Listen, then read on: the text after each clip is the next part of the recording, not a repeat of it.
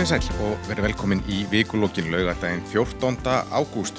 Nokkuð sólrík vika baki viðaðum land og fólk naut veður bíðunar en það er ekki laust við að ákveðin skuggi hafi kvilt yfir. Í vikunum gaf jú milliríkja nefndum lofslagsbreytingar EPCC út sína sjöttu skýslu.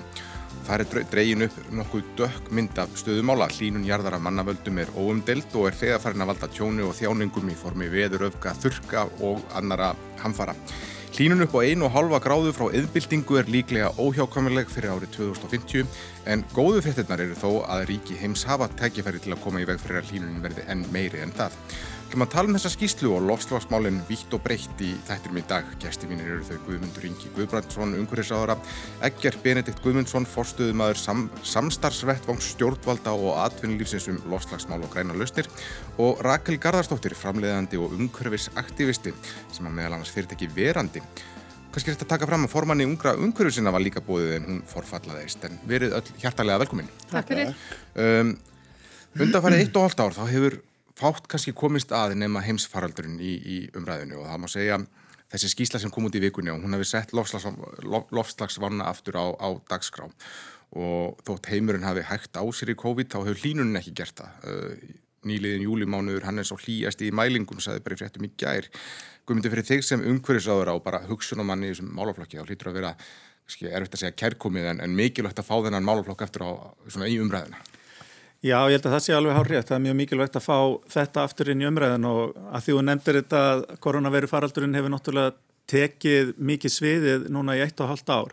Ég man vel eftir því að fyrir koronaviru faraldurinn hugsa að ég hafi verið svona minnstakosti tvísar í viku í viðtal og mjög oft út á loslasmálum og eftir að koronaviru faraldurinn skalla á þá hérna ringdu fjölmilar ekki í mig í tvo mánuði. Já. Þannig að þetta, þetta kannski lýsir því ágætlega svona hvaða hvaða áhrif þetta hefur haft á umræðu og auðvitað í miklu fleiri atriðum. En e, mér finnst þetta skipta gríðarlega miklu máli, mér fannst skipta mjög miklu máli að e, þegar að, að svona þessi mótmæli byrjuðu með Gretu Thunberg sem að færðist hérna heim til Íslands, þau vöktu fólk til umhugsunar. E, mér fannst ég finna mikinn mun á umræðinu til dæmis í þinginu fyrir og eftir það, bara hversu Uh, góð umræðan var um lofslagsmál, mm. hún batnaði hún var markvissari, hún var metnaðarfyllri og auðvitað tel ég skipta máli að við náttúrulega erum með ríkistjórn sem að setja lofslagsmálinn strax í, í hérna, uh, fremst á skipið og stefnum að kólefni slutleysi 2040 erum búin að vera að vinna að áætlunum um það setja fullt af aðgerðum í gang til þess að ná niður losun og svo framvegis mm. uh, Ekkert, þú varst ráðinn forstöðumæður samstagsvettvang stjórnvalda uh, og aðurlýsum lofslagsmál og græna lausnir árið 2019 heitir grænvangur? Og það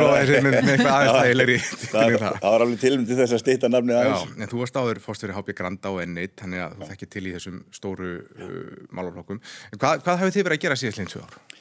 Og við erum að, að, að horfa á hvernig þetta bregðast við þessum uh, niðurstöðum. Og þessar niðurstöðum sem er komið fram í þessari vikur er kannski ekki nýjar, þær eru skarpari núna en áður. Mm en við höfum, höfum gefið okkur það, það þarf að breyðast við og, og, eh, og við höfum þá verið að horfa til þess bara hverjar eru lausnindar, hvernig leysir maður, hvernig tekst maður á við svona viðfársefni og þar höfum við hortað þetta frá, frá tveimur sjónarhóttnum, annars vegar hérna innanlands og hvernig hægt er að draga úr losun hérna innanlands og svo hins vegar erlendis hvað Íslendingar geta haft upp á að bjóða uh, utan uh, okkar landsteina. Ja. Og hérna innanlands hefur við verið að fókusera, þetta er svona samstagsvettangur eins og þú segir, atvinnulífs og stjórnvalda fyrst og fremst og þessi fjölmargir aðilar sem að koma að þessu með okkur, fræðarsamfélagið og fleiri. Og uh, við gáum út í vor uh, ansi umfámsmikið plagg sem heitir Lofslagsvegvísir atvinnulífsins. Og uh, það voru sjö atvinnugreina fjölög sem að unnu þetta með okkur. Og þar fórum við bara yfir svona grein fyrir grein hvað, hvað verið er að gera, hvað þarf að gera og hvað, hvað þarf að enn en að, að spýti lóana og e, ef maður horfir á þetta og brítur þetta svolítið upp þá sér maður mjög skýrt sko hvar stóru verkanin liggja og hvar þar virkilega að setja kraftana núna á, á, á, á næstu árum. Og hvað er það helst? Já, eitt langstæsta verkefni er náttúrulega orkuskipti mm -hmm. og það er náttúrulega gríðarlega mikið losun sem að, sem að fylgir orkunótkun, þeir eru orku sem eftir er, við búum reyndar vel að því að öll okkar raforku, öll okkar húsitun kemur frá, frá grænum orkugjöfum en það er, það er fyrst og næst á kannski í samgöngunum sem, að, sem, að, eh, sem við notum miklu orku mm -hmm. og þeirri orku þarf að skipta út fyrir, fyrir græna orku. Og eh, þar eru náttúrulega komið vel á vegu með eh, fólksbíla, það er náttúrulega meiri hluti nýra fólksbíla sem eru skráðir eru, eru með einhvers konar tengibúna eru með rafbílar eða tengiltunbílar og, og þannig að það er, er, er komið að stað. Síðan eru það fluttningabílar sem væri það næst fluttningar á, á vörum og fólki sem að þarf að, að finna út úr og svo skip og flugvilar og þetta er svona ferðagar sem það þarf að halda áfram við þurfum að byggja á þenn góða árangur sem við höfum haft í orkusskiptum til þessa mm. og, og, og stíga nokkuð hérna svona hraustlega til jarðar í því sem eftir er og leysa þau mál Og eru fyrirtekin til í þetta? Fyrirtækin er algjörlega til í þetta, vandin er náttúrulega marg þættur og mörguleiti flókin sérstaklega í svona því sem kannski lengra er framundar eins og skip og flugvilar. Það er kannski tæknin í sjálf og sér ekki endilega til ennþá, mann veit ekki nákvæmlega hvaða lausnir verða fyrir vaðinu, mm -hmm. það verða ábyggilega mjög margar lausnir. En það þarf að byrja núna að undibúa og, og fylgjast vel með því sem er að gera og, og, og undibúa það sem við þurfum þá að gera, við þurfum að eiga eh, til dæmis orku til til þess að geta skipt út eh, oljunni mm -hmm. Og, og, og eitt og annað við þurfum að eiga, eiga dreifikerjum landi og svo framvegs þannig að, þannig að við þurfum að, að, að vera klár þegar, þegar tæknin uh, er, er, er klár mm -hmm. Rakel, þú ert í ört stækandi hópi umhverfisaktivista og reyndar leggja þetta mörgum í, í barátunni gegn losalínum uh, á þenn tíma sem við liðið frá því að þú fórst að gefa þessum málum gögum, hvað hva, hva hefur breyst að þínum að þið? Já, ég er kannski fókusera mest á matvarleiðinaðin mm. og, og þá út frá matarsón og sem að ég, uh, mér finnst að sé svolítið litið framhjá í öllu þessu tali. Út af því að hérna eins og með, það er mikið tala um flug til dæmis og það er sko losin á flugi í heiminum er 2,4% eða 2,6% og meðan matarsóin er sko hérna 8-10% mm. og matarsóinin þannig að þú veist það er bara við þurfum að einblýna miklu miklu meira á það að breyta allir matvala hérna, breyta matvaleiðinanum og hætta matarsón mm. eða stöða matarsón og það þarf ekki endilega að vera leðilegt verðarlag og bara alls ekki, það er bara nýsköpun og bara hugsa nýtt og eitthvað. En uh, það sem ég hef síðan breytast er náttúrulega að það hefur orðið vitundar vakning, þú veist það er allir að tala um þetta. Og það vita allir í dag hvað matarsón er. Því ég fór á stað með þetta 2013 þá uh, hefðu mjög, mjög margir ekkert heyrt talað um matarsóun, við sögum bara ekkert hvaða, hvaða væri þannig séð og heldur þá að ég var að meina að ég var að fara í gáma borða, þú veist að það væri matarsóunin hún væri bara, fólk kannski átt að þessi ekki á því að þetta er yfir alla keðjuna. Þannig að mér finnst fólk verið miklu miklu meðvitar og miklu jákvæðra í því að, að taka þátt í að reyna að gera heiminn betri. En svo er mannkynni bara egocentríst mm. þannig að við eigum erfitt með að hugsa sem held og eigum erfitt með að hugsa um að taka breytingar sem eru goða fyrir alla. Mm. þannig að mér er það svolítið vanta að hérna að það er mjög margi sem að skýla sig á bakvið það að bara já já við erum bara eitt, hérna, eitt drópi í hafið hérna upp á Íslandi og hvaða máli skiptir það hvort að ég hendi einu röru eða hendi einhverjum bönunum þú veist þetta er bara það er bara Kína þú veist Kína þeir eru bara þeir eru svo margir og þeir þurfa að gera þetta það skiptir engum áli hér. Og með allt bara eiginlega sem að kemur að lofslagsbreytingum þá hérna, finnst mér svolítið vanta að þetta komi bara og það er ekkit endilega bara að tala um almenningi líka bara að tala um fólk sem er stjórnar og fólk í stjórnmálum og annað að það er eitthvað með, ég veit ekki hvað það þarf til bara að þetta komi beint frá hjartana virkilega finnist að langa til að breyta og, og sjáu alvöruna í staðan fyrir að þetta tekur óra langan tíma og það er alltaf að rekna eitthvað í Excel mm.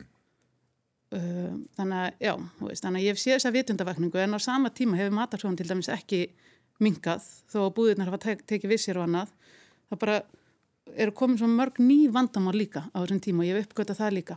Að við erum komin rosalega mörg ný vandamál síðan ég byrjaði að pæli matarsóðan mm. sem er bara eins og lagseldið sjóeldi, mjög mikil matarsóðan þar og bara lífstofun um, út af hérna, koronaveirunni þá út af því að það er hérna út í heimi þá er yfirleitt uh, ekki eins og í Nóri með jarðabæraræktun það koma við marð þanga til að týna jarðabærin skilur það er alltaf fólksflutningur á milli landa sem að sérum upp skilur hverju landi fyrir sig. Og á Íslandi veist, kom alltaf nýsjálending ringa til að taka þátt í slátur uh, tíðinni. Þannig að það stöðvaðist náttúrulega allt í hérna, koronaveirunni þannig að það var rosalega mikill uppskjöru brestur, það var bara engin íneinum löndum til að týna upp uppskjöruna, þannig að það er hitt, þannig að þú veist á sama tíma þessi vitindavakning á sér stað þá erum við bara að mæta nýjum vandamálum líka. Mm. svo erum við bara orðin alltaf mörg veist, það glemist líka þessar umræðu.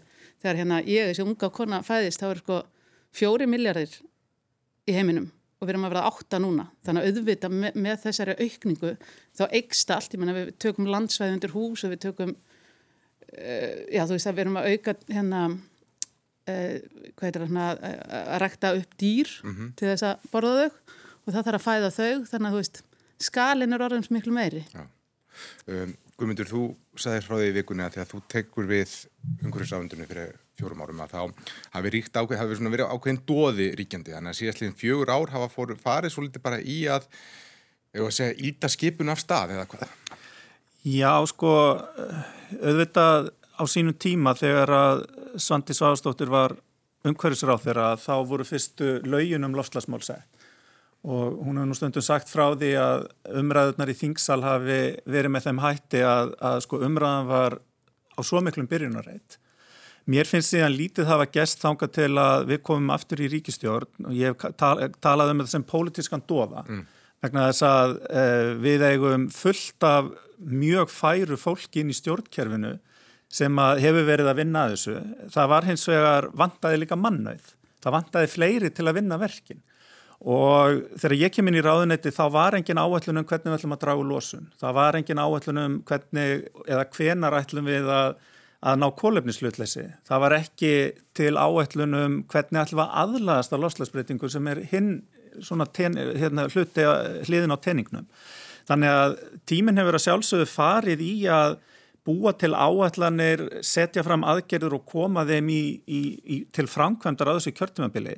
En við, það líða samt ekki nema sko tíu mánuðir frá því að ríkistjórnin er mynduð og fyrsta aðgerðaráætlunin kemur þar sem við erum þegar byrjuð að setja aðgerðir í gang. Mm -hmm og við lögum áherslu á það að gera það einmitt eins fljótt og hægt væri og fara síðan í svona eh, nánar út í það hvernig útfærum við þetta nákvæmur komum aðra aðgerar átlum 2020 þannig að eh, sko ég er, ég er mjög ánað með hvernig ekki bara hefur verið unnið inn í stjórnkerfinu að þessu.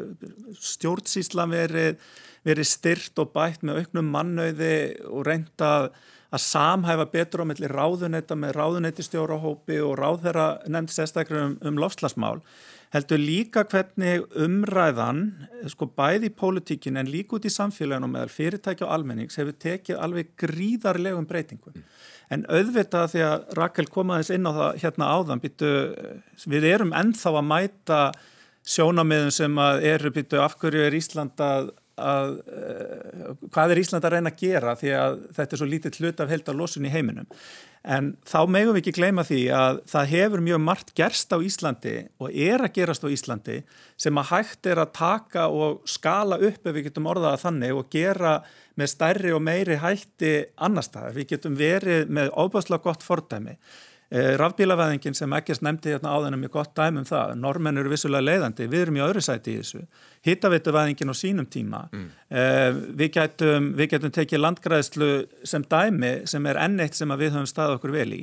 En í grundvallaratriðum þá munum við ekki ná árangri þessum málum nema að eh, alþjóðlega samfélagið að öll ríki heims og þá sérstaklega náttúrulega þau sem að er að valda mestri lósun að þau taki sér saman og seti sér metnaðafullri markmið. Evrópa hefur verið leiðandi, Ísland hefur tekið þátt í því en eins og staðan er núna og það er graf alvarlegt að miða við þau markmið sem að ríki heims hafa sett sér þá stefnum við í þryggja gráður hlínum uh, um, um miðjaöldina í staðin fyrir þessa 1,5 til 2 gráður sem að Parisa samkominnlagi stefnir að. Þannig að þetta gat sem að alþjóðarsamfélagi í saminningu verður að loka, það er verkefnið og Ísland hefur svo sannarlega margt þar fram að færa og á að vera í farabróti þeirra ríkja sem að, að eða bara í farabróti ríkja þeirra kemur á lofslagsmál. Mm. Ekkert við, þegar við tölum um lofslagsmálum, þetta er svona áskoranir, jafnvel hvaðir sem fyrirtæki standa frammi fyrir en það eru líka tækifæri eins og það er bara við uppbyggingu á eðnaði sem lítur að með tjónustu og bara að finna upp lausnir og dæmi eins og Carbfix og þess að það er mikil gangur í þessu uh, á Íslandi. Algjörlega og það er kannski, það er kannski svona hitt okkar megin hlutverk hjá grænvangi er einmitt að, að, að kynna sko, íslenska græna lausnir, hvernig Íslandingar og íslensk fyrirtæki geta liðsind öðrum þjóðum í sinni baráttu mm. og, og, og Guðmundur nefnir einmitt hérna til dæmis eins og hittavitur sem er kannski svona áþreifanlegast og sínilegasta dæmi þar sem verið er að, að, að e, minga feikilega mikið losun í kýmverskum borgum með því að, að hittavitu vaða það er mjög víða til jarðhiti sem er nógu öflugur til þess að setja notan í hittavitur mm. Eh, þó að sé kannski ekki praktist að, að búa til með honum uh, ramman uh, þar eru oft erfið samkjöfni við sól og vind til dæmis. En, en hitaveitur er klárlega tækni sem hægt er að breyða út við og mun skila miklu morgangri uh, og nefnir Carfix líka og, og, og, og þar eru klárlega uh, tækifæri, það var nú kynnt í, í sumar uh, uh, fyrirætlanur um hreinlega að flytja inn koldíusvið og koma því hér endanlega fyrir og með þeirri tækni sem að Carfix notar. Þannig að það eru fjölmörg tækifæri og við höfum tekið saman E, okkar vefsíð, okkar erlenda nafn er, eh, er Green by Iceland og, og á vefsíðinu greenbyiceland.com þá hefur við tekið saman e, fjöldanallarna fyrirtæki og erum komin hátt í 100 fyrirtæki núna sem er að bjóða e, græna lausnir og það geta útlendinga farið inn og, og séð í samhengi það sem hér er verið að, að, að bjóða upp á mm. og ef mann er að koma að leita einhver ákveðinu lausna þá kannski reyngað er augun í aðrar, aðrar skildarlausnir þannig að það eru vissilega tækjafæri þarna og, og í atvinnulífinu þá er það nú kannski oft svona besti kvatin ef þú getur samin að það að gera hluti sem eru til gags og, og hefur af því einhvern uh, arð í leiðinni. Því að mikið af þessu lausnum sem að fyrir liggja eru gríðarlega dýrar, það eru gríðarlega mikil, gríðarlega mikil að fjárfestinga þörf og það er nú kannski svona mesta hindrunin við að er að græna lausnir er oft dýrari heldur en þessar gráu eða svörtu, þessar gömlu lausnir sem við erum að, að, að eiga við. Bill Gates hefur skrifað mikið um þetta, hann talar um líkil hugtaki hans bóðskapir þar sem hann kallar green premium, eða grænt álag. Og, og það er sem sagt munurinn á verði grænna lausna og, og grára og hann segir það er bara það sem allt snýst núna um er að, er að lækka þetta green premium, þetta græna álag. Þannig að, að þjóðir heims geti e, orðið grænni án þess að, að það setji eh, efnag þeirra á, á höfuð. Er það, er það hægt öðruvis en bara eins og hérna Vesturlundum er bara ríkisvaldið bara komið og bara spýti pinningum inn, Já, hann bendir á það, það, það hann, hann tekur nátt dæmi sko úr, úr, og, og hefur nú skemmtilega stíl sko, hann, hann tekur dæmi úr öðrum greinum og, og tekur til dæmi sko hvaða tók langan tíma fyrir örbylgjáfnin að, að verða sko rannsóknarstofu uppfinning mm. yfir í að vera þannig að almengun getur notaðan og, og það voru einhverju ára týr Segir, við höfum ekki tíma til þess núna að býða einhver ára tíu eftir að grænu lausninir eh, fylgja einhverjum eðlilegum hérna, ferli því. Það þarf, að, það þarf að hraða þessu. Og það þýðir þá að það eru þá eh, stjórnvöld eða, eða stóri fjárfestar, meðal annars hann, hann er að pumpa mikið peningum í þróunarskona græna lausna, til þess að flýta þessu ferli. Mm. Þannig að, að grænu lausninar færi hraðar úr tilhörnastofunni yfir í það að vera viðræðanlegar. Mm. Og hann bendir til dæmis að það, það þýðir ekkert fyrir okkur að fara til Indlands og segja, því að hérna, grænvaði alla, alla ferlana hjá okkur ef að, ef að, ef að, ef að það er óyfirstíðanlega dýrt. Mm. Við þurfum að hjálpa þeim til þess að finna græna lausnir sem eru uh, viðræðanlegar mm. og þar til, hefur til dæmis Íslandi på margt að bjóða. En hefur Ísland verið, hafa allir með stjórnald verið nógu dögleg við að stiða allir með nýsköpun? Já, það er eh, alltaf eitt að, að, að þjarkum það hvort það er gert nóg og, og svo framvegist. Það hefur verið gert uh, eh, bísna margt en það er auðvitað alltaf hægt að gera, uh, gera meira. Mm. En, en uh, aðalatrið er náttúrulega að, að menn hjálpi stað og, og vinni saman í því að ná árangri. Það er nú svona kannski, kannski það sem, sem mestu skila til lengri tíma. Mm. Rakel, þú hefur lagt svolítið áherslu á bara hlutverk neytandans og einstaklingsins í, mm -hmm. í mhm. okkar, okkar almennings um, getur við haft hér bara sem erum á gólfinu raunverulega áhrif? Já, það er nú sagt í hafræðinu að, að það er náttúrulega við sem eftir, erum með eftirspurnina mm. þannig að já, við getum haft áhrif þannig og við, við sjáum það alveg að þegar það hefur verið um, einhvern veginn þegar almenningur talar við fyrirtæki, mér er Íslendingar reyndar svolítið góðir í því að þeir senda oft bref á, á fyrirtæki og, og ábendingar annað hvað þeir vilja sjá mm. og eitt með það var til dæmis uh, með uh, gemjólkinu hjá MS það var alltaf plasturur á fernunum Já. sem enginn notaði og þetta var bara hópþrýsting frá almenningi á, á hérna, MS að, að hætta þessu út af því þeir eru selja svona 2 miljónir ferna á ári og það eru 2, 2 miljón um, plasturur og það tókst. Þannig að auðvitað geta hennar einstaklingarnir haft áhrif og þeir smita ofti vina og fjölskyldna og nágrana og það má ekki heldur gleyma því að við erum öll einstaklingar. Ég meina fórsett Íslands er einstaklingur. Þannig að, og, og stjórnundur fyrirtæki eru einstaklingar. Þannig að ef þetta smitast í alla það náu þessari helstæðu mynd. Og það er alltaf að tala á sérstaklega með matasón og annað þetta er að miklu leiti til eh, vani þetta er bara við erum vön að gera eitthvað og það er svona það erfiðast að í þessu er að, að breyta neysluhauðun fullorna mm. og það er hérna, svona, kennur ekki gömlum hund að sitja. Þú hefur gert eitthvað e, svona alla tíð þá ertu ekki að fara að breyta því. Og þess vegna er oft umræðan um til dæmis bara kjötátt mjög eldfim út af því að það er bara semir sem að segja bara já, já, við höfum alltaf borðað kjöt og, og ég ætla ekki að fara að hætta því núna en það gleymist þá oft eins og ég var að benda á áðan að við erum bara orðin miklu, miklu fleiri heimurinn hefur breyst og, og heimurinn þarf að taka breytingum. Og það þarf ekki að vera rosalega slæmt endilega. Og það þurfa ekki allir að hætta borða kjöt og það, það, bara, það vera að benda á það þurfa kannski bara aðeins að minka það og það má kannski auka fjölbreytni í landbúnaði eins og eitt stjórnmálamæður benda á að hann vildi meina það að, að þessi lofslagsskísla væri bara búin til að aktivistum og þetta væri populismi og þetta myndi drepa íslenska landbúnað. Ef við ætlum að fara að pæla mikið í, í, hérna, í, í, hérna, hvað áhrif það hefur á lofslæðið og ég er bara ósamála því og þetta opnar frekar eins og við vorum að tala um aðan á svo mikil tækifæri. Mm. bara fjölbreyttari landbúnað að við getum framleitt miklu meira á Íslandi en við gerum.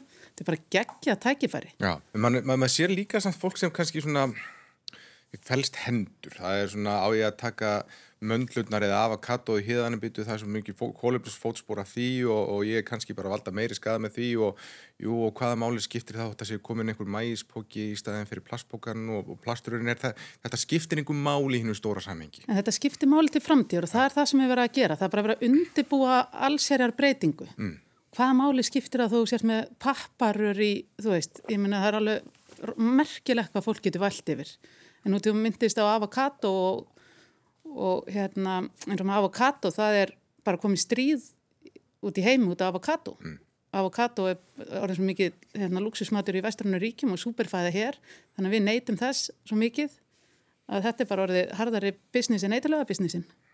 Já, hérna, það er Mér langar aðeins að koma inn á ef ég má þetta með grænu fjárfestingarnar vegna þess að í svona stóra samhenginu þá er það það sem að þarf að gerast. Það þarf sko innspýtingu inn í fjárfestingu sem að skilar miklum árangur á stórum skala og þar erum við náttúrulega búin að vera að horfa til þess eins og hér á Íslandi að við höfum sett afslætti á innflutning á uh, umhverfisvætni bílum til þess að reyna að, flýta þróunni. Saman við sett styrki í hlæðslustöðar og afslætti, skattaafslætti þegar kemur á hlæðslustöðum heima við hús og svo framvegis.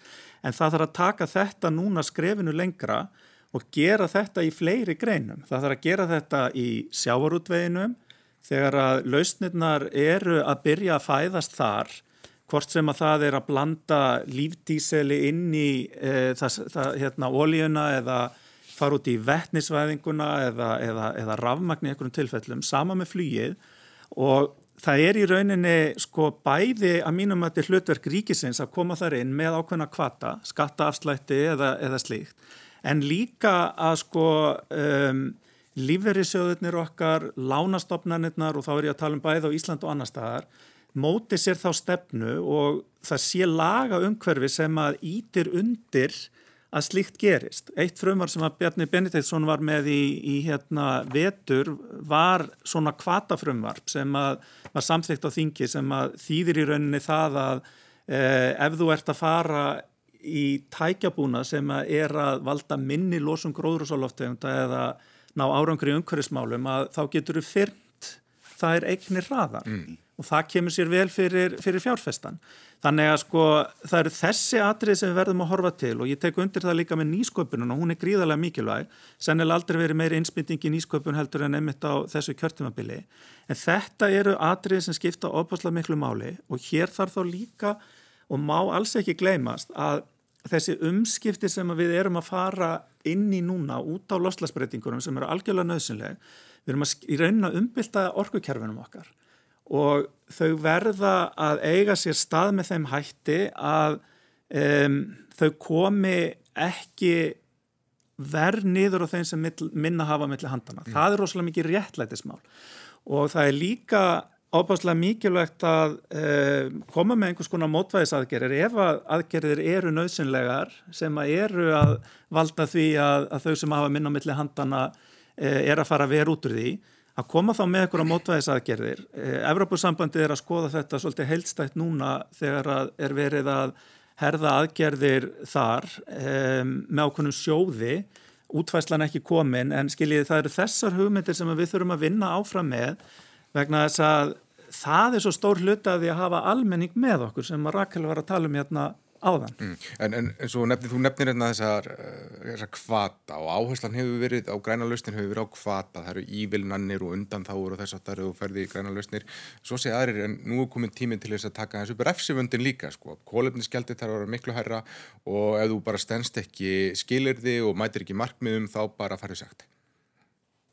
Já, ég get nefnt ágætti stæmi, það eru um, svo kallu F-gus og ég hef svolítið gaman að það veri í umræðinu núni í vikunni.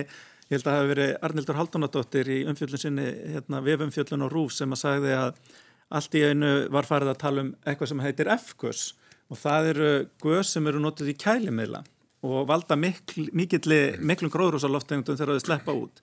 Þetta er til dæmis dæmi þar sem við settum sagt, skatt á þessa eh, notkum þessara, þessara að gasa og settum reglugjær sem að hrenlega hveður áum að það megi ekki flytja meira en eitthvað ákveð inn á næstu árum og þetta höfum við hert einu svona kjörtímabilun, þetta er mjög gott dæmi um refsifönd. En ég tek alveg undir það og er þeirra skoðunar að við þurfum að skoða með hvaða móti getum við nota skattkerfið í meira mæli til þess að uh, í rauninni þar sem að við skattleggjum losun og notum fjármagni til þess að breyta kerfinu og notum fjármagni til þess að það komi ekki uh, illa niður á þeim sem minna hafa mellir handana. Þannig vil ég sjá þetta gerast að, að það komi kvatar inn í gegnum skattkerfi líka. Mm. Þetta er svona viðkvæmt orði í, í atvinnulífinu skattar og en, en margir segja þetta sko, fínt áður með græna kvata en það býtur ekkert eins og, eins og skattkerfi. Já, já, það er, það, sko, það, það má nú segja svo sem að, að, að, að auðvitað vil, vilja menn, sko, að það bytning á þeim að taka upp grænlusnir og svumstaðar hefur það nú verið, sko, við notum nú stundu orðið, orðið lati sem er, sko, anstæðan við kvati, það er þegar, þegar að kærfið einhver leiti er þannig að það letur menn til, til framkvæmda, menn eru kannski að fara í einhver aðgerði sem að á endanum, eh, sko, kostar mann eh, meira kannski í sköttumöldur en hefði gert uh, ella. En þetta fjárfæstingarumhverfi, það er allt saman sko, hérna, það verður auðvitað líkillin að þessu því að, því að það er svo sem, þó, þó allir séu að vilja gerðir uh, uh, í sínum hugssjónum, þá þurfa hlutinir að ganga upp uh, líka efnarslega. Og þetta er náttúrulega að færast út um, út um alla virðiskeiðina á efnarslífið og, og eitt af því sem við horfum á okkar, okkar skýsla frá í vor var hlutur fjármálkerfisins í þessu. Og fjármála kerfi sem slikt og bankar og slikt er, er kannski ekki mikið losun beint frá, frá, frá skrifstofunum uh, þeirra en þeirra hlutverk er samt gríðilega stórt í þessu fjárfestingum og það eru mann fann að horfa á það sem kallaði sko, sko fjármögnuð losun, þá eru mann að horfa bara á og það eru komnir uh, flóknir, eða komnir yfirgrismiklir staðlar útreiningar á því hvernig mann getur verið að horfa á sko þá, þá losun sem að lánasafnið eða, eða eignasafnið eh, stendur fyrir. Mm.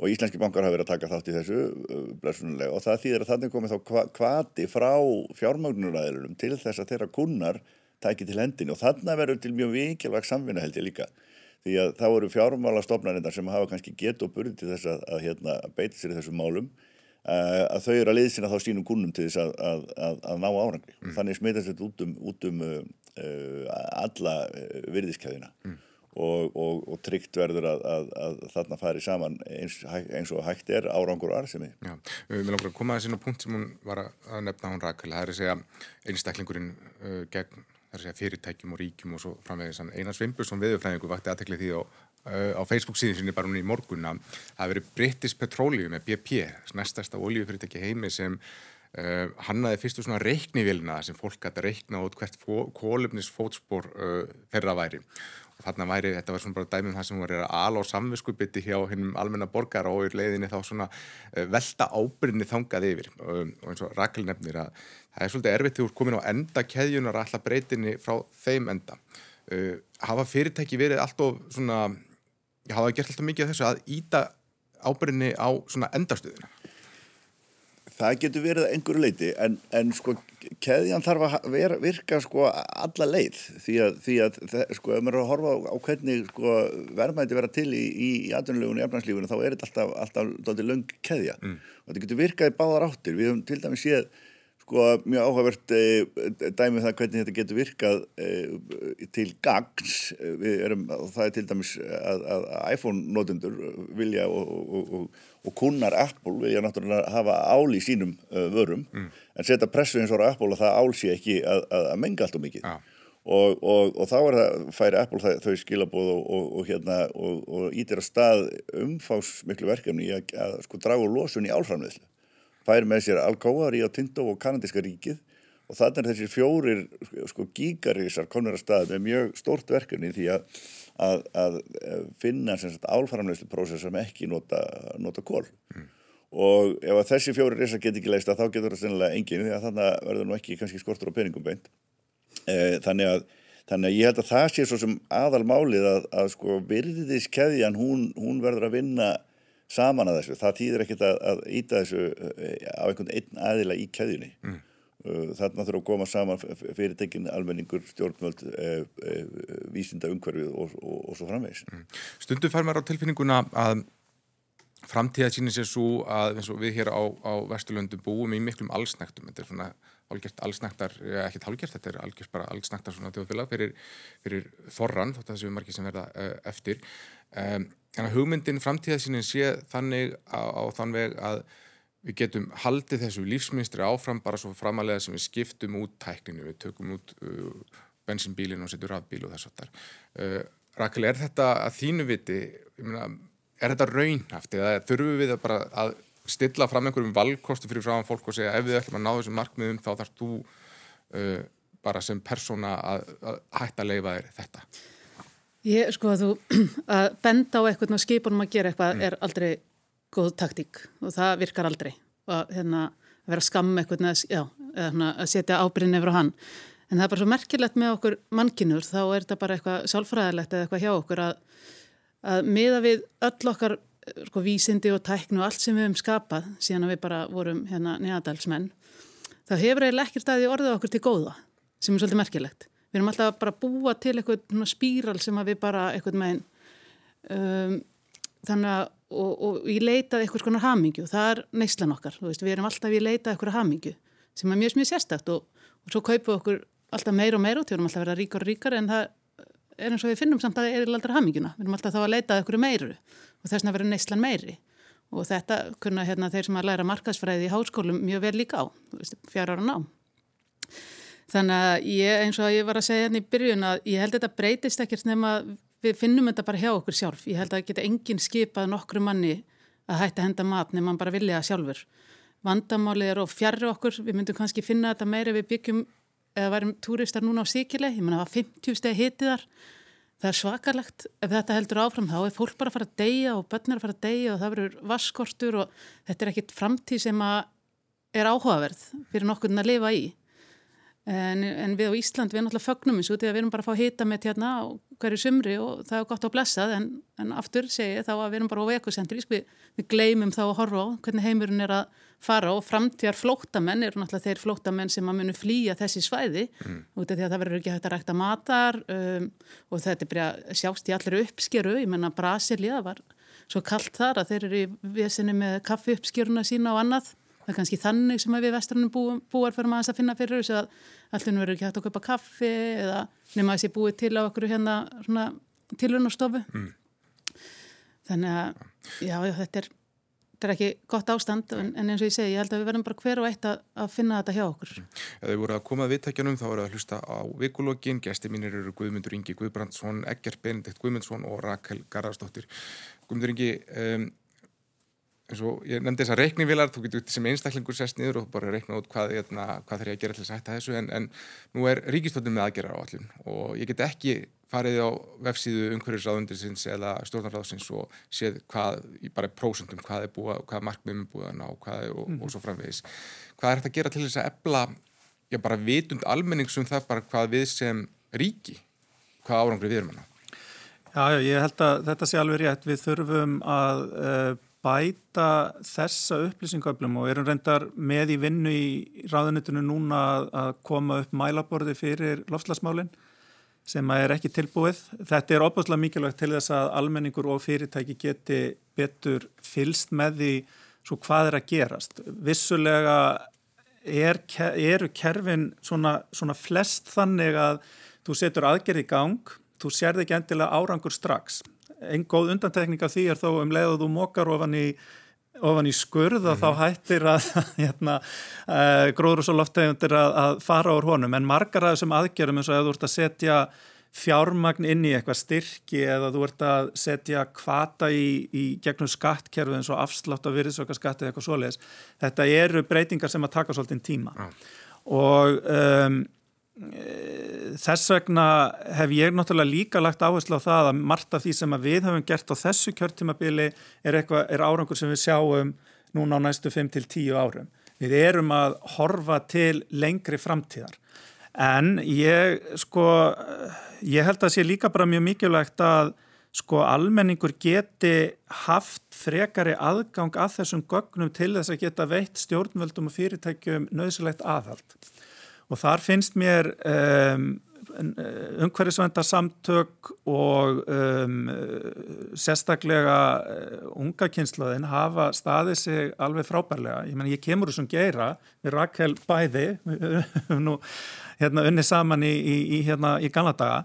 Þannig að sko þetta finnst mér skipta stjórnvöld óbúslega miklu máli um, vegna þess að þetta setur umhverfismálin ofar á dagskrá stjórnmálana og hún þarf að vera ofalega á dagskrá allra stjórnmálaflokka eh, til þess að við náum meiri árangri mm. og það er það sem að mér finnst hafa breyst á undanförnum árum að umhverfismálun hafa farið ofar á dagskrá stjórnmáluna og það er ég mjög ánæðið með. Mm, eitt af því sem hefur verið gaggrínt er að eru orkuskiptin. Þar að segja að það er að hætta nýskráningum dísel og bensinbíla 2030 og margir hafa kallað eftir því að það eru gert 2005, þú það var nú tín til að meðal annars á, á sínum tíma. Uh, er það raunhaft, sem að segja að þetta sé ekki raunhaft fyrir 2030?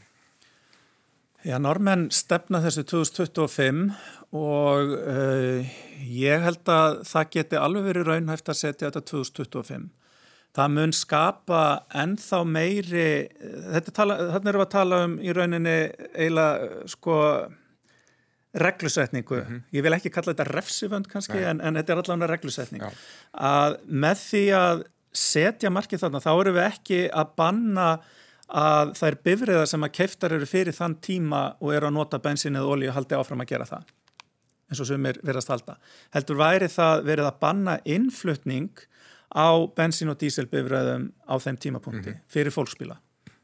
Þannig að ég held að það sé bara vel raunhæft að setja sér e, slík mörg því að þau munu flýta þróunni og ég hérna, mun halda bara áfram að berjast fyrir þessu sjónamiði. Hversu, hvað segir þú ekkert? Hversu raunhæft væri þetta bara til dæmis það að endunýja og bara rafvæða bílaflótan minna, er, er bara til nú frambóð af þessu bílum? Eh, það er eitt, eh, það er náttúrulega bara frambóð, það er að segja framlýslu geta og, mm -hmm. og, og svo framvís, við vitum að það hefur verið takmarkað. Eh, það er líka, sko, bílaflóran, hún er ennþá, sko, reynu bílarnir, þeir eru svona byrju sem kannski smerri bílar Já. og eru svona smá saman að stækka mm. og enn vantar uh, svona hrauslega jeppa fyrir þá sem að kjósa að keira svo leis uh, græjur. Vil ég geta, geta dreigið fellihísi sitt? Vil ég geta dreigið fellihísi og já, jáfnvel keirt sko á vegum sem er ekki alveg nýmálbyggaði sko. Já. E, þannig að, þannig, en þeir eru allir að, að, að koma á markað uh, slíkir bílar, hratt og öruglega, þetta er að gerast mjög hratt. Mm. og þetta er að þróast mjög hratt og, og hérna eins og Guðmundur bendir á þá við, höfum við tekið þarna hratt og vel við okkur, eins og við segjum stundum við erum langsamlega næst best í heimi og eftir normunum og hérna og, og hérna þannig að þetta getur gerst hratt og, og við sjáum mörg dæmið um það, þegar við tökum til hendinni hér á landi að þá, þá geta hlutin breyst hratt og það sem að blessunlega hefur gerst er að, að sko fyrstur afbílanir þóttur svona frekar hallarisleir, nú er þetta náttúrulega flottustu bílanir mm -hmm. uh, í, í, í bænum og þeir verða smá saman hérna, hérna öfluri þannig að það er spurningum svona einhver árt til eða frá en, en, en hérna ég held að þetta geta gerst hrætt hvort það er nákvæmlega 25 eða, eða 4 eða 6, það er kannski erfitt að segja mm. en, en það ég held að muni skýrast á næstu kannski tveimur árum hvernig, hvernig og þróun verður en það þarf að byggja upp uh, innviðina og, og hlæslistöðar og, og uh, og það vestar sem náttúrulega gerist er að það kom eitthvað bakslag í það að mann sjáu að, að það sé erfitt að keira rafbíla hér. Eitt mm. verkefni sem við höfum verið mjög spennt fyrir að því okkur finnst að vera og við höfum náttúrulega rætt líka við, við umhverfisráðara er e, sko raf, rafvæðing eða grænvæðing bílaleguflótans mm. og það tel ég að gæti verið e, alveg fáránlega áhugavert og, og skemmtilegt verkefni mm. ef það tækist að koma því í, í, í kring tiltöla rætt. Um, það hefði svona svo margar sko, hliðarverkanir. Einn er svo að, að við vitum að, að stór hluti af fólksbílum í Íslandi kemur inn til landsin sem bílalögubílar og fer síðan út í flotan. Mm -hmm. Þannig að það myndir hraða mjög grænvæðingu bílaflotans, bara enga bílaflotans. Mm. Og síðan teljum við að það væri bara, sko, bara markaðs- og kynningatækifæri sko, fyrir, fyrir, fyrir Ísland og, og Að, að, að við erum að kynna Ísland sem svona grænan eh, áfangastað og þá náttúrulega ætti það að vera fyrsta skilda hvers ferðamann sem kemur til landsins að, að skemmi ekki það, það, þá grænu upplifun. Mm.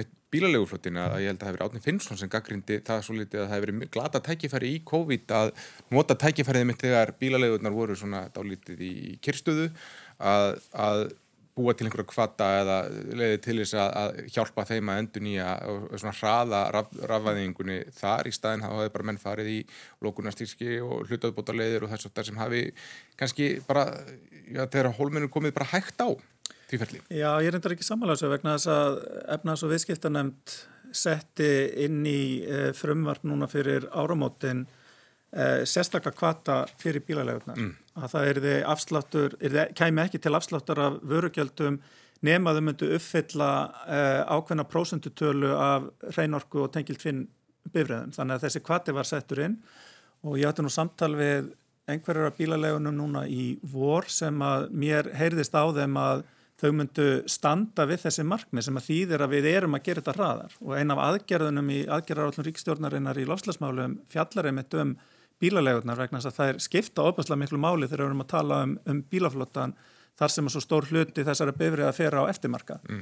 og gæti líka skipt máli til þess að gera uh, okkur öllum kleift að taka þátt í því stórkostlega æfintýri sem rafbílavæðingin í rauninni er sama hvort að við höfum mikið eða lítið á milli handana vegna þess að það er, það er ótyrir að kaupa notaða bíla heldur en, heldur en hérna, nýja. Þannig að um, það er verið að vinna í þessum málum og ég held að með stórauknum áhuga greinarinnar, ferðarþjónustunar sjálfrarar og ekki síst bílalegana, þá er þetta verkefni sem að ég held að okkur muni takast núna á næstu árum að, að gera með sómasamlegum hætti. Mm. Um, ég kemst ekki hjá því að nefna áhrif COVID, þetta ég var farin að hlaka til að vera með þátt án, án, án þess að tala um COVID, en, en í byrjun þegar svona hæðist á öllu og reynsíki í, í fenegjum og, og ár hér og þar sástallögnum til Himalaya fjalla í borgum í, á Indlandi og svona. Og við sáum svona að þetta er hægt, það er hægt að hægja á og þess er en sögulega þá hefur alltaf fyllt í kjölfar uh, kreppu eða stríða eða einhverju svona krísutíma þá hefur fyllt gríðarlega mikil uh, uppgangur og þegar hlutinni fyrir aftur af, af stað.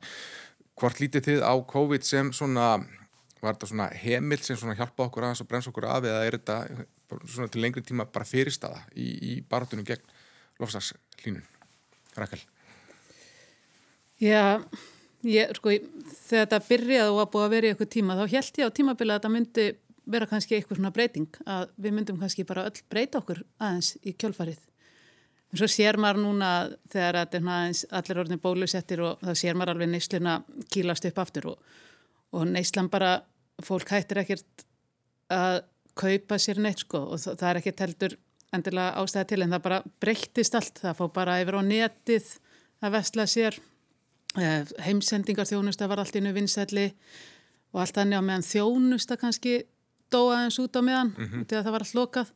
Og þetta ég er mjög hlind því að við þurfum að aðeins að draga úr neyslu með því að uh, gera við, bara eins og við gerðum hérna um, á árum áður uh, og svo með þetta með matvæla yðna en hann náttúrulega síndi það svolítið að hann stóðst þetta eða ekki og það, við sáum mikla bresti bara í hvernig matvala framlegsla heimsins er þannig við lærðum af því sem er kannski svolítið gott mm. þannig ég held að flestar þjóður heimsins er svolítið að vakna og, og svona virkilega pæla í fæðuöryginu sínu og matvalauöryggi og öðru og, og hvernig hvernig matvala framlegslan getur fungerað þegar að næsta svona áfall kemur mm. Þannig að vera ekki matarskortur eða uppskjöru brestir eða annað út af því að e, við megum eiginlega ekki við því mm. Þannig að það er kannski að góða sem að við lærum, uh, draugum hérna lærstum af út á COVID er einmitt að við þurfum að breyta hérna matvælaframlýslinni. Guðmundur ekki, hvað segir þú? Við, myna, við sjáum til dæmis í fyrra að dró mjög úr losun bara frá umferða því mm -hmm. það voru bara engi ferðamenn á, vegum úti en mm -hmm. til lengri tíma finnst einhver físilegt að, að það ástand haldi, haldist áfram nema að koma eitthvað annað í staðin þá en umferðin jóks samt á íslenskum kennitölu. Já, já, reyndar. Það er nefnilega áhugavert vegna þess að færri fóru til útlanda. Já. En ég held svona almennt sko og, og ég man alltaf eftir þessu sko árið 2007 þá var ég einn af nokkrum umhverfisfræðingum sem tók okkur saman og stopnum félag umhverfisfræðing á Íslandi. Svo kom hrunið og við hugsaðum nú er tækifæri til að koma á alveru samfélagi með sjálfbæra þróunar mm. leiðaljósi í samfélaginu.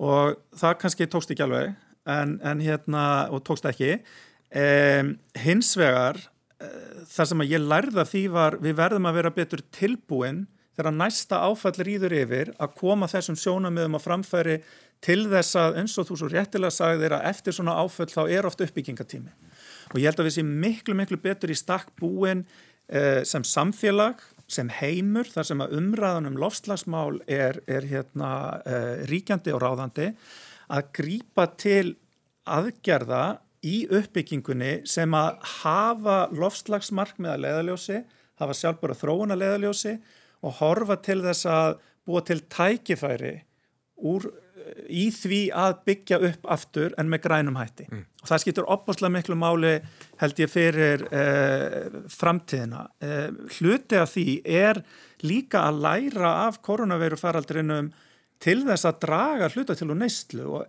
Eitt hluti af því er til dæmis að draga úr þessari neyslu sem að fælst í að fljúa á fund til kaupmannahafnar í einn dag og, og sem er tilbaka um kvöldið. Eða um, sem að Rakel kom aðeins hérna inn á öll tækifærin sem félast í ringrásarhagkjörfinu að gera við, e, láta hluti endast betur, e, koma á raunverulegri endurvinnslu Uh, hér á Íslandi og, og, og búa til verðmættur úrgangjus og lífrænum. Skilja öll þessi tækifæri, við erum svo miklu betur held ég stakkbúi núna heldur en eftir síðasta hrjun mm. að uh, taka þessi mikilvægu grænu skrefin til framtíðar. Þannig að ég, ég hef alltaf hort meira á glasið hálf fullt en hálf tómt og ég ætla að leifa mér að gera það eftir þetta þó svo að koronaviru faraldurinn sé alveg gríðalegt skarðin í Íslands efnahagslíf og líka ég held svona, svona andlega og félagslega fyrir okkur að þá verðum við að horfa til framtíðar með, með þessi gleru, þessi græni gleru á nefinu. Mm. Hvað segir þú að gera? Hvernig, minna, þegar er mitt hafkeri fyrir alltur á, á, á, á fullan kraft, mm -hmm. um, eru þá frekar tækifærið í því heldur en, heldur en hættur?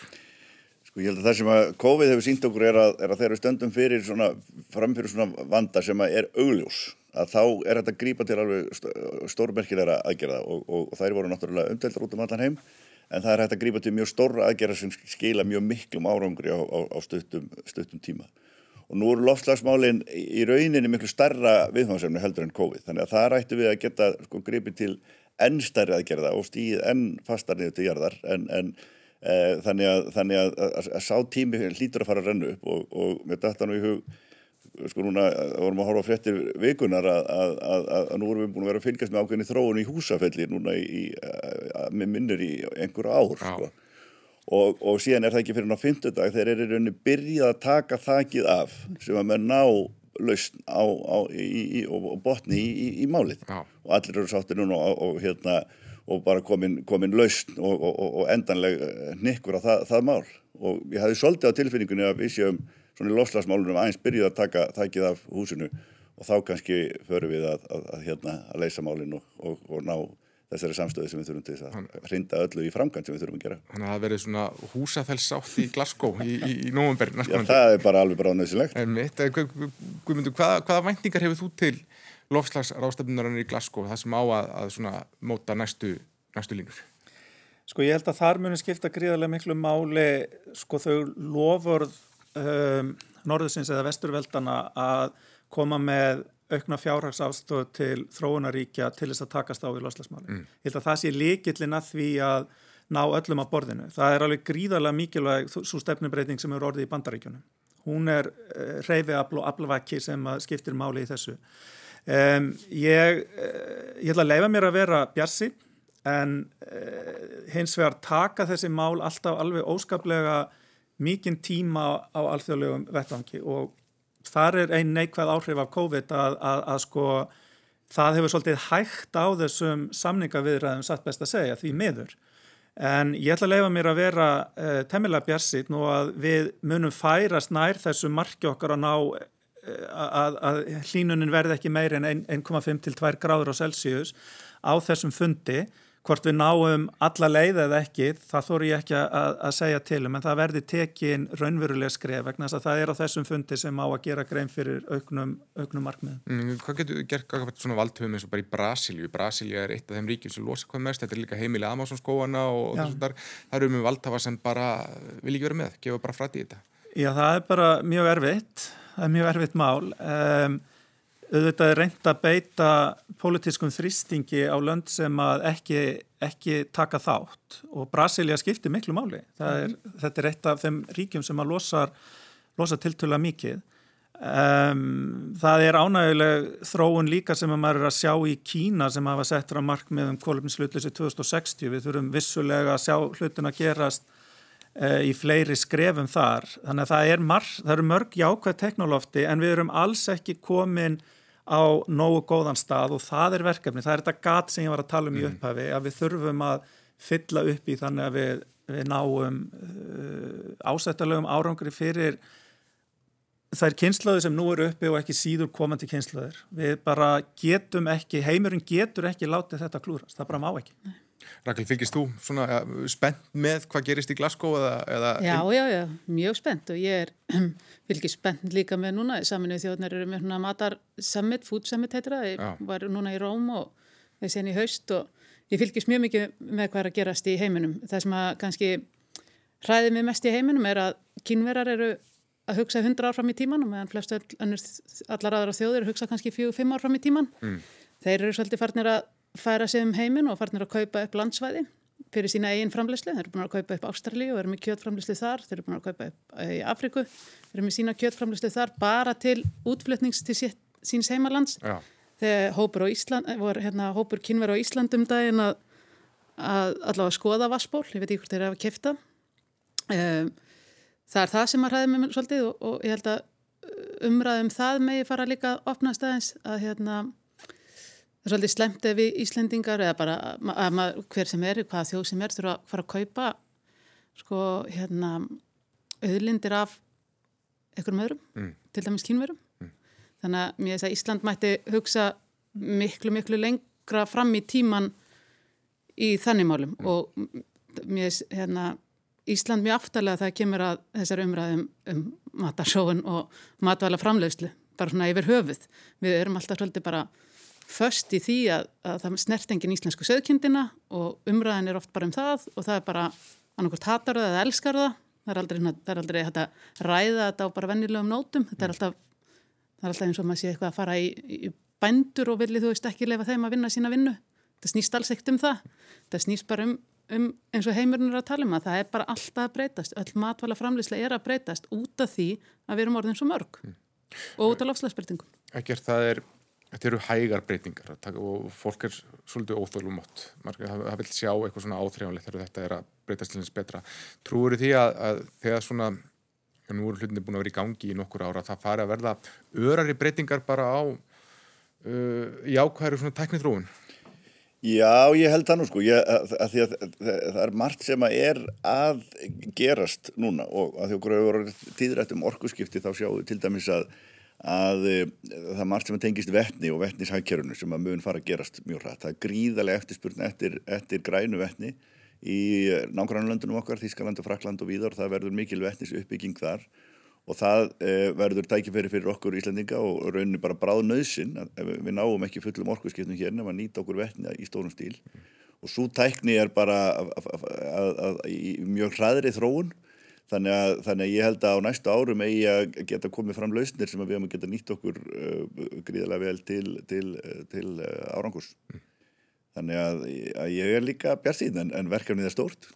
Svo sannanlega og umræðefni líka. Ég held að við komumst nú ekki til því í þessum dætti tíminn nú líka að hlaupa frá okkur. Í réttkjænstringin og ætlar nú bara rétt að spyrja gamanlega venju hvað ætlaði að gera um helgina, Guðmundur Það eru endalöðsir pólitíski fundir. Já, þú varst á fundi hér í blábyrjun þáttar. Já, já, og hérna við erum að fara að hittast eh, listi Vafki í Suðvestu kjördæmi og morgun, allir listi en eh, mér tókst nú að, að hérna í, í gerðkvöldi aðeins að uh, fá mér hérna, eitt rauðvinsglas með besta vinni mínu þannig að það er alltaf skemmtilegt og maður reynir aðeins að fara í eitt göngutúr Já. til þess að anda rosa spennandi dasgrú Vildi væri með þér. Hérna, ég ætla að fara núna bara að bruna upp í Mósisbæ á græmitismarkaðin kiki kannski til Bjarná og Dísu sem eru á skeggjastöðum frábærir sjálfbærir bændur þar. Og sunnudagurinn er bara tekinn til sælu Egger, hvernig lítur helgin út á þér? Ég ætla að reyna að nota eitthvað þessu veðri til að reyna að komast upp á einhver fjöll hérna í, í, í grendinni og, og hérna, og hef góða vonum, ég vil takist að, að, hérna, að draga eitthvað að bláa hobbitunum sem er einna gönguhópunum sem ég er í, sem að, hérna, Bláu hobbitarnir? Blá, bláu hobbitarnir, já. Er það strumpar? Já, það er svona löngsa ábaki það. Ég fóði hana síðar. Já, fóðum hann í næsta þætti. Já, hann er næsta þætti. Einmitt, hafið það sem allra best við helginu og kæra þekki fyrir komuna, Egert uh, Benedikt Guðmundsson, Guðmundur Ingi Guðbrandsson og Rakel Garðarsdóttir. Verðið sæl. Góða helgi.